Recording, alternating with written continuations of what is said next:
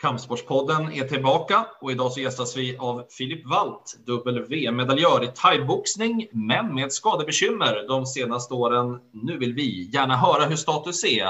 Välkommen hit Filip. Tack så mycket. Vi kommer att återkomma lite till din skada, men först och främst, hur mår du och hur känner du dig idag? Eh, det är faktiskt bra. Träna på och eh, ja, gör mitt bästa nu för att komma tillbaks till, eh, till den nivån jag var på innan och ser fram emot att hitta någon match här nu så jag kan, ja, så man äntligen kan få hoppa in i ringen igen. Det var ett tag sedan nu, men tiderna är inte de bästa för det, men man letar på i alla fall. Ja, hur ser din vardag ut så här i coronatider?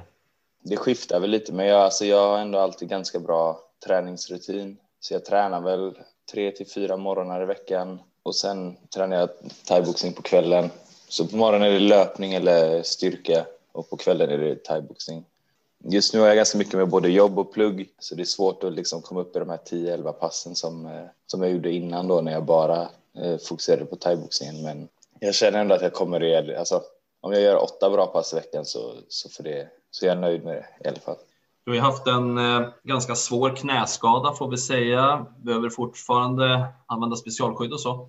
Nej, nej, jag hade nästan inga specialskydd alls eh, som tur var. Typ. Alltså, vissa vill de att man ska ha liksom, som en, ett skyddande knäskydd. Liksom. Eh, men jag och min sjukgymnast kom fram till att jag hade ganska, jag vet inte om, om jag hade bra grundfysik eller vad det var, men eh, jag fick ganska bra kontakt med knät och musklerna direkt efter operationen. Då. Så jag slapp allt sånt och kunde köra på ganska eller jag fick ta det försiktigt liksom, men eh, jag kunde köra på ganska bra, ganska fort.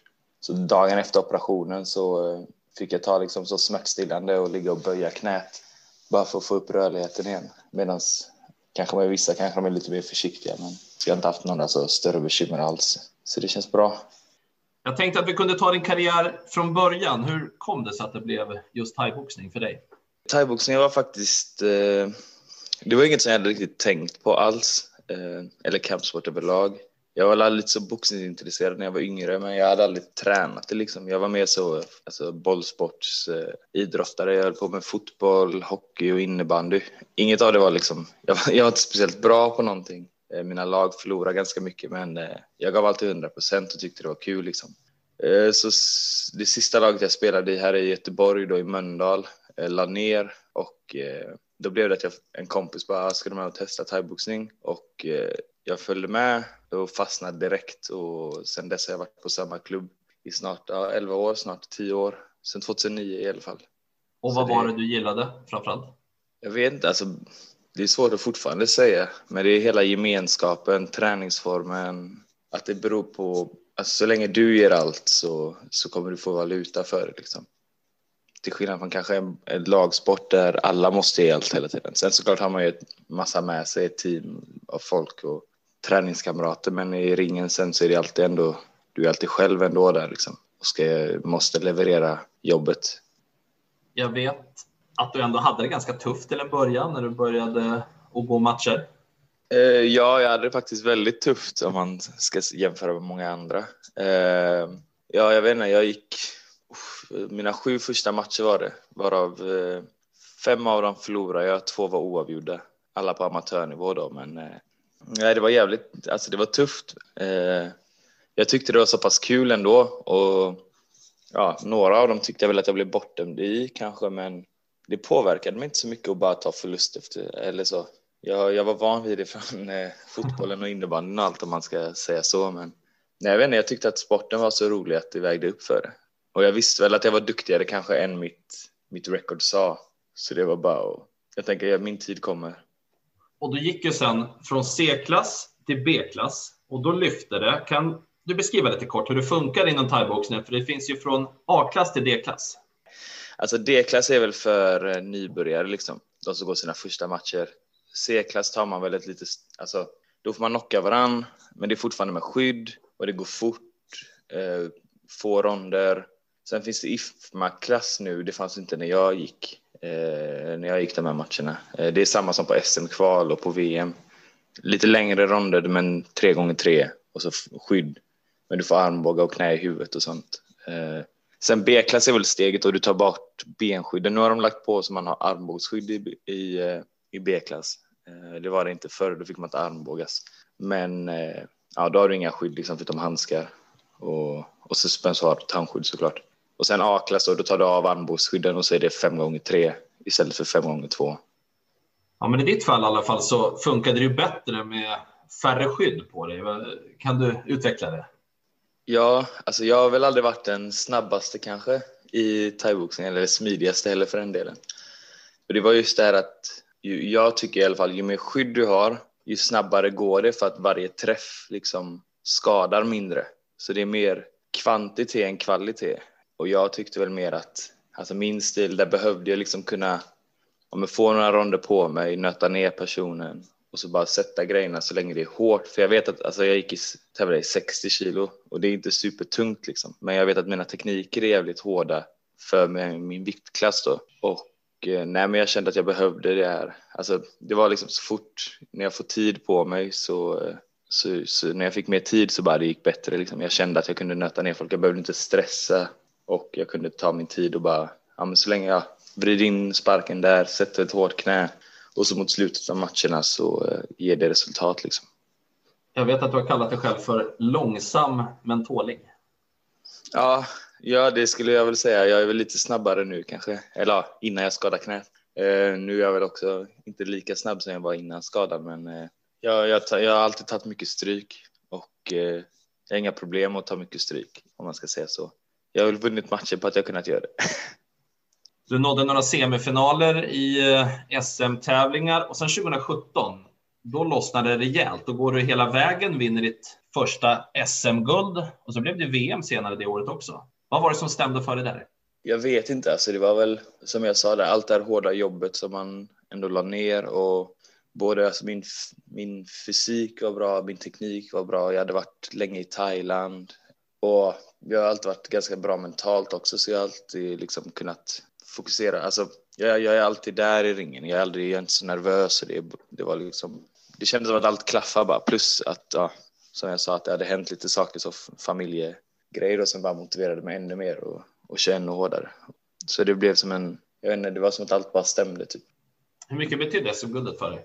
Oj, det är nog faktiskt, eh, jag vet inte, alltså det är fortfarande bland det, det bästa eller det största jag har vunnit liksom, tycker jag eller jag värderade första SM-guldet väldigt, väldigt högt. För att det var liksom det första som, som jag vann då på riktigt, eller den första titeln eller vad man säger. Efter att ha liksom inte haft den starten jag ville ha med thaiboxning och lagt ner så många år på det och liksom bott i Thailand, åkt fram och tillbaks, eh, tränat varje dag och försökt kombinera med nattjobb och så, allt det liksom. Och så bara det äntligen lossnade. Så det, det var som en sån, det var första SM-guldet också för, för klubben som jag tränar på, på Göteborg Muay Thai på kanske sju år tror jag. Så det, det betyder mycket att få ta, ta hem det till, till klubben då i Göteborg. Och så blev det VM sen också i Minsk. Yes. Och det höll du också på att ta hem? Ja, faktiskt. Eller det var väl, eh, jag var väl en av dem som inför VM ingen riktigt visste någonting om. Vi hade jättemånga duktiga som hade varit med innan eh, på herrsidan då men också många nya. Det var jag och Nassim Kasim då från, från Lejonkulan som fick åka. Så jag gick i 60 och han i 63,5 så vi kunde träna mycket med varandra. Och sen var det många som tackade nej också i andra viktklasser. Så vi blev ett ganska så landslag med många nya som var med. Och eh, det var mycket så innan VM liksom att ah, nej men du måste ändra din, eller inte ändra din stil, men vi, vi tränade specifikt för det här annorlunda tempot. Eh, men det var också många andra som inte, eller jag fick känslan att det var många som trodde att min stil kanske inte skulle passa eller eftersom att jag behövde fem ronder för att ge resultat och det här var mycket kortare och högre tempo. Men eh, ja, jag hade, jag vet inte om man ska säga flyt, men jag kommer ihåg att eh, de var, att det var lite nervigt i alla matcherna jag gick. Första matchen förlorade jag. Man, man får se liksom i VM så har de en sån scoreboard där det kommer upp Eh, resultaten för varje rond så du ser om du har vunnit eller förlorat första eller andra ronden. Liksom. För mig var det nästan alltså, en motiverande faktor liksom. att få se liksom, okej okay, nu, nu förlorar jag. Så jag, första matchen mötte jag Kazakstan som är ett så jätteklassiskt så VM, VM-nation och tar alltid mycket medaljer och så. Och fick möta en av deras fighters som skulle vara riktigt så jättebra allround. Förlora första ronden och sen i andra ronden så var det som att det också då lossnade liksom. Så min clinch funkade, jag gick in, jag satte mycket, mycket armbågar och knän och sen lyckades jag liksom vända honom så att han såg dålig ut, liksom. han såg med ryggen mot mig. Så jag vann andra ronden och då ser man ju det att man, man har kommit ikapp och då står det liksom, vad blir det, 19-19 eh, inför tredje ronden. Och det var som en sån boost i, alltså, för han ser att han har förlorat och jag ser att jag har vunnit inför sista ronden, vilket gav mig en sån höjning. Så jag gick bara in och, och bara försökte knäa så mycket jag kunde och, och lyckades vinna den. Liksom. Och efter det så var det också nästan så som att ja, nu var man nästan nöjd. Liksom. Eller vet, nu har jag överträffat förväntningarna med den här matchen och bara vinna första mot Kazakstan. Så jag kände ingen riktig press. Liksom. Det var bara okej, okay, det är bara att gå in i ringen nu. Och så målet var liksom att ta, ta sig förbi första matchen innan VM. Vinna, första, vinna en match var målet. Eh, sen efter det så var det liksom, okej, okay, men nu är jag ändå här, nu har jag tagit medalj. Liksom fett. Nu har jag i alla fall garanterat en medalj för det var semifinal och då var det liksom, nu är det bara att gå in och köra. Fick en räkning i första ronden mot Turkiet då i semifinalen och han, han slog, jag har aldrig mött någon som slog så hårt eh, som han gjorde och det var bara, jag fick en räkning i alla fall, körde på, eh, lyckades vända andra ronden, eh, så det var exakt samma utgångsläge som första matchen liksom. Bara att jag sparkade nu istället på knä och vände, tog hem tredje ronden också och eh, lite chockartat så var jag väl i, var jag i VM-final. Liksom. Och i finalen möter du thailändaren Pravit Chilnak. Du har sagt att det är en av få gånger i karriären som du varit nervös. Ja, jag kan väl räkna gångerna jag kanske varit nervös för en match på, på en hand. Och den här matchen, det var liksom, jag var inte nervös alltså, långt innan och så, alltså inför uppladdningen. Utan det var liksom helt plötsligt när jag stod och värmde upp så bara det, tittade man ut liksom och så såg man så ett full, en fullsatt arena. Det kanske, jag vet inte hur många som fick plats men ja, med 5-10 000 i alla fall på den arenan. Och du vet streamen gick ut till 100 000 eller jag vet inte hur mycket det var, 20 000 pers. Eh, och det bara helt plötsligt från ingenstans slog mig då att jag faktiskt stod där och skulle gå upp i en VM-final mot, mot Thailand. Och det hade, jag hade inte riktigt hunnit smälta det liksom. Och sen var det ju bara och så var jag, alltså jag, mina tränare då fick de såg att jag bara, vad, vad är det med dig liksom? Du, du, du är nervös, typ. Vad, vad händer? Du, du blir aldrig nervös. Så jag bara, nej, jag vet inte vad det är. Eh, kunde inte fokusera liksom. Så de till slut de tog in mig i en sån, det var som ett pyttelitet så upp, alltså massagerum typ som de hade som var som VM hade då, som var jättelitet. Det var som ett litet så, ett bås typ, så jag fick gå in där, bara ställa mig där inne, eh, sätta på musik och skuggboxa. Och eh, efter det så släppte det liksom. Och då släppte nervositeten lite grann. Men, det var lite ja, mycket det, att ta in helt enkelt från början. Exakt, det, blev som en, det kom som en, en chock liksom. Så det är väl, ja, det är väl fortfarande den matchen jag varit nervösast för liksom. Eller och du förlorade den finalen. Vad hade du behövt göra annorlunda? Oj, det är svårt att säga. Men jag vet inte, alltså. Jag tror jag hade lite för mycket respekt mot, mot eller för honom. För att han kom från Thailand just. Och eh, jag vet inte, jag borde väl kanske boxat mer liksom. Försökt pricka ut honom med hårda, hårda slag. För de är så jävla starka i clinchen ändå, thailändarna. Så hade jag fått göra det igen hade jag nog gått in lite mer is i magen och bara försökt plocka poäng med boxning och, och kanske följa upp med någon spark. Det blev ett VM-silver i alla fall VM-debuten. Året efter blev det ett brons. Det är en prydlig yes. samling VM-medaljer, men det är en valör kvar. Mm. Ja, det är det där guldet kvar som, eh, som ingen eh, herre har tagit på sedan 2007, tror jag, 2005. Det är väl det som alla, alla vill, vill ta, liksom, som ställer upp i landslaget. Men, Hur ska du göra för att ta det? Oj, det, det är svårt. Eh, först och främst måste jag ju tillbaks in och fightas. Eh, sen måste jag ju vinna ett SM då för att kvalificera för, för VM. Så det är väl planen då jag ska, vi ska prata med, eller jag ska prata med mina coacher lite mer när det närmar sig SM i, ja, i februari eller vad det brukar vara. För nu har jag ju, under den här skadan så har jag ju bestämt mig för att gå upp en viktklass också till 63,5. Så vi, vi, får staka ut en bra plan där, hur, vad som är min väg att gå. Men eh, nej, det hade varit en dröm att få ta, den här, ta det här guldet också. Man får se vad som händer. Jag är inte missnöjd med det jag har, men eh, det hade varit jävligt häftigt att få vara med på lands, i landslaget en gång till. Du hade ju några riktigt goda år där, men så i februari 2019 drar du av korsbandet. Du missade SM det året, även flera andra matcher du hade på gång. Vad var det som hände? Otur, bara otur.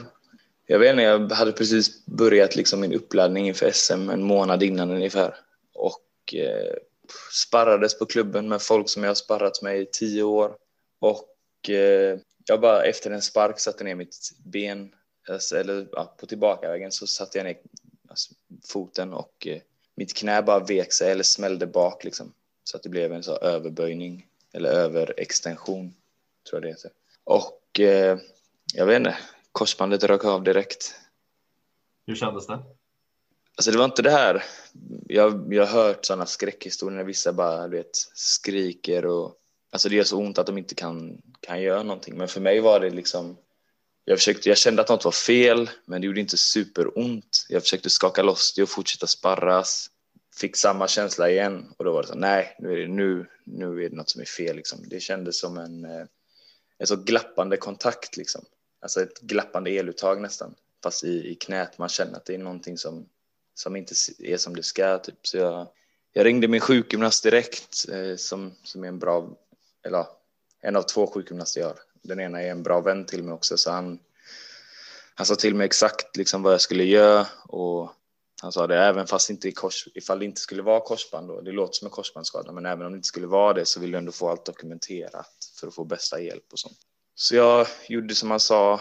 Eh, vi rehabade då för att vi visste inte hur allvarlig skadan var. Vi tog röntgen. De visste inte hur allvarlig skadan var. Ställde in, jag fick ställa in SM. Jag hade en match i Los Angeles eller Las Vegas bokad som jag också fick ställa in. En i Abu Dhabi som jag också fick ställa in. Eh, och sen hade jag en månad då till på mig. Så två månader efter skadan så hade jag en match i Göteborg som var om BBCs eh, skandinaviska titel då. Och jag kände jag hade fått säga, eh, tacka nej eller ställa in så mycket så jag bara, eh, jag, men jag kör den här matchen ändå. Och... Eh, Var det en bra idé? Eh, I efterhand, nej, inte riktigt. Eller på gott och ont var det en bra idé. Alltså jag kunde inte göra det jag ville göra. Jag fick ganska mycket stryk eh, mot en, alltså mot en motståndare som man inte kan gå in mot om man inte är 100 procent. Eh, mot Martin Aktar. Martin Aktar, precis. Exakt. Förlust där via domslut. Men yes. det är svårt att förstå hur man kan gå en match så kort efter en korsbandsskada. Hur, hur funkade det för dig? Ja, jag hade inte världens bästa uppladdning. Jag hade ju en sån huggande känsla alltså, kontinu, eh, alltså, så fort jag liksom överansträngde mig för mycket på träningen. Jag kunde inte springa och göra det, men jag gick ändå in och försökte så gott jag kunde. Eh, och så var det, liksom, det var i andra ronden som att någon högg mig med en kniv i, i knät. Liksom. Så jag kunde inte liksom, leverera i clinchen eller någonting. Jag försökte så gott jag kunde, förlorade vilket var jävligt surt att förlora den titelmatchen. Alltså, nu vet jag ändå inte, Martin Akta är så pass duktig att jag, även om jag hade varit liksom hel så hade, hade det ändå varit, inte varit säkert att jag hade tagit den matchen. För att han, eh, han har sån rutin och han är bra på allt. Liksom, vi har sparrats efteråt och jag, jag tyckte han spöade skiten ur mig nästan. Men, eh, han ska göra comeback nu också. Ja, han skulle göra comeback här i Göteborg, men det blev ju inställt hela den galan eh, på grund av corona nu då. Men eh, han var en som, en som fighter jag hade sett upp till länge och han var nästan guld precis när jag började med thaiboxning. Och det, det, var bara kul att få möta honom och det gav mig lite den här insikten också att nej, jag måste ta den här skadan liksom. Jag måste göra det som är rätt och då var det enda rätt att operera knät liksom. För jag, kan ta, jag, jag kände jag kan inte hålla på halv, eh, ja, halvdant liksom eh, träna och fightas utan då får jag hellre ta ett år och bara försöka komma tillbaks. Nu är det nästan ett och ett halvt år eller mer än ett och ett halvt år, men eh, det är corona då som, eh, eller covid där som man inte riktigt kunde förutse. Eh, hur, hur, känner du inför det, det här vakuumet som uppstått? Är, är det tid du kanske har behövt lite extra eller är det förlorad tid även för dig? För att det pågår inte så många andra matcher heller. Det, det var väl en, en, en, chans för mig liksom att komma ikapp lite i tid. Alltså jag slapp förlora ett helt år. Liksom. För det var ändå inga matcher från mars nästan. Så på så sätt så tjänade jag in lite tid. Men eh, nu när jag själv är redo liksom och bara vill tillbaks så, eh, så är det ju förlorad tid, men det är det ju för alla. Men eh, just nu så är det bara surt. Jag hade match bokad, inte officiellt. Skulle gå min första match där nu efter skadan och hade bra uppladdning och så kommer de här nya restriktionerna och bara det blev så, ja, galan fick ställas in och det var bara surt liksom. Så nu, är det ju, nu förlorar jag också tid. För till slut så är det ju liksom, även om alla förlorar tid så är ändå jag, jag är snart 30 liksom. Jag kan inte hålla på tills jag är, jag kan inte hålla på i 15 år till. Jag vet inte hur många år. Man vet, särskilt med en korsbandsskada också, vet man inte hur många år man har kvar. Men... Är du fit for fight idag? Ja, det skulle jag säga. Jag vill ju ha min, mitt fight camp innan en match liksom, så jag vill inte ta den på en veckas varsel, men får jag mina, mina veckor på mig så är jag garanterat redo att gå in och, och testa mig själv igen. Nu blev det ingen match här i slutet av november. Hur ser annars planen ut framöver? Ja, jag ställer alltid ganska höga krav på mig själv, så jag är inte riktigt, alltså, jag var på god väg där nu och, och vara på den konditionen jag ville vara. Sen har jag ju tagit lite nu efter när matchen blev inställd då, så åkte jag till Stockholm en vecka och varit. Jag har ju hållit igång träningen och så, men det är fortfarande inte match. Eh, det är inte alltså match, matchträning nu, så det är väl bara liksom att träna på och försöka få in de här passen och köra min styrka, min kondition, jobba på tekniken, allting. Få in en bra rutin helt enkelt och hålla sig redo för när det här släpper. Det kan vara allt till från en månad till ett halvår, liksom, det vet man inte. Men jag är bara hungrig på att få, få fightas. Hur många år känner du idag att du har kvar i dig på hög nivå? Jag sa för några år sedan faktiskt att när jag var 32 så skulle jag börja fundera på om jag skulle fortsätta eller hur, jag, hur seriös jag skulle vara. Men just nu så känner jag väl att nu när jag förlorat den här tiden så jag vill ju hålla på. Alltså om knät håller allting. Eh, jag har gjort allt, allt grovjobbet för att knät ska hålla länge liksom. Men man vet ju aldrig tyvärr. Men jag hoppas väl i alla fall fem år till. Så länge jag kan kombinera det med, med studier och, och, så, och jobb. Ja, hur ser det ut annars för dig? Jag vet att du pluggar historia, du jobbar som ungdomsledare. Mm. Just nu jag pluggar historia på Göteborgs universitet. Och, så planen är väl att, att kanske försöka läsa pedagogik sen också då och försöka bli lärare i historia. Slippa de här fysiskt tunga jobben när man ska träna mycket och sånt. Eh, men jag jobbar som ungdomsledare också på Fryshuset här i Göteborg. Eh, det är inte så stort här i Göteborg, men jag har en ungdomsgrupp liksom som vi, har, vi kombinerar dialog och thaiboxning och jag liksom är där ute och jobbar och får göra det jag, jag tycker är roligast, vilket är att jobba med människor och uh, träna thaiboxning. Liksom. Så... Studier, arbete och träning. Det låter ändå som du har ganska mycket på din tallrik. Alltså innan så tränade jag ju bara thaiboxning. Det var bara den, det var det enda jag gjorde i liksom flera år. Och då kunde man ju träna de här 11, 10-11 passen i veckan utan problem. Så nu får man väl liksom försöka balansera det lite mer. Okej, okay, har jag mycket plugg nu eller en tenta som kommer upp, då får jag väl dra ner lite på träningen de, den veckan eller de veckorna. Eller har jag mycket på jobbet får jag kanske dra ner träningen också liksom. Men jag tycker ändå att jag har så pass rutin att får jag in åtta bra hårda pass i veckan så, så klarar jag mig på det liksom. Så det handlar väl bara om att vara, hålla sig motiverad liksom. Men det är samtidigt skönt också nu nu när det inte är några andra matcher och ha något, ha något annat att sikta, sikta på liksom. Så ibland kan det vara skönt att inte bara vara thaiboxare. Är det något du skulle vilja livnära dig på? Ja, det, det hade jag jättegärna. Alltså det hade varit en dröm. Nu kommer man väl aldrig få UFC-pengar i thaiboxningen, men eh, så det är väl alltid bra att ha någon plan i, i bakfickan liksom. Men eh, sen när jag är färdig med att fightas eller om jag kan få jävligt bra matcher som är mycket, ger mycket betalt liksom, så jag kommer nog alltid behöva ha ett extra jobb liksom, eller plugga lite grann om, det, om man fightas. Men vem vet sen kanske vad som händer efteråt om man kan livnära sig på att vara PT eller, eller ha ett gym eller vad det nu skulle vara. Man ska ändå, en utbildning är ändå alltid bra att ha, så jag vill ändå ha någonting där som en, som en backup-plan i alla fall. Stort tack Filip Watt för att du kom till Kampsportspodden. Tack så jättemycket för att jag fick vara med.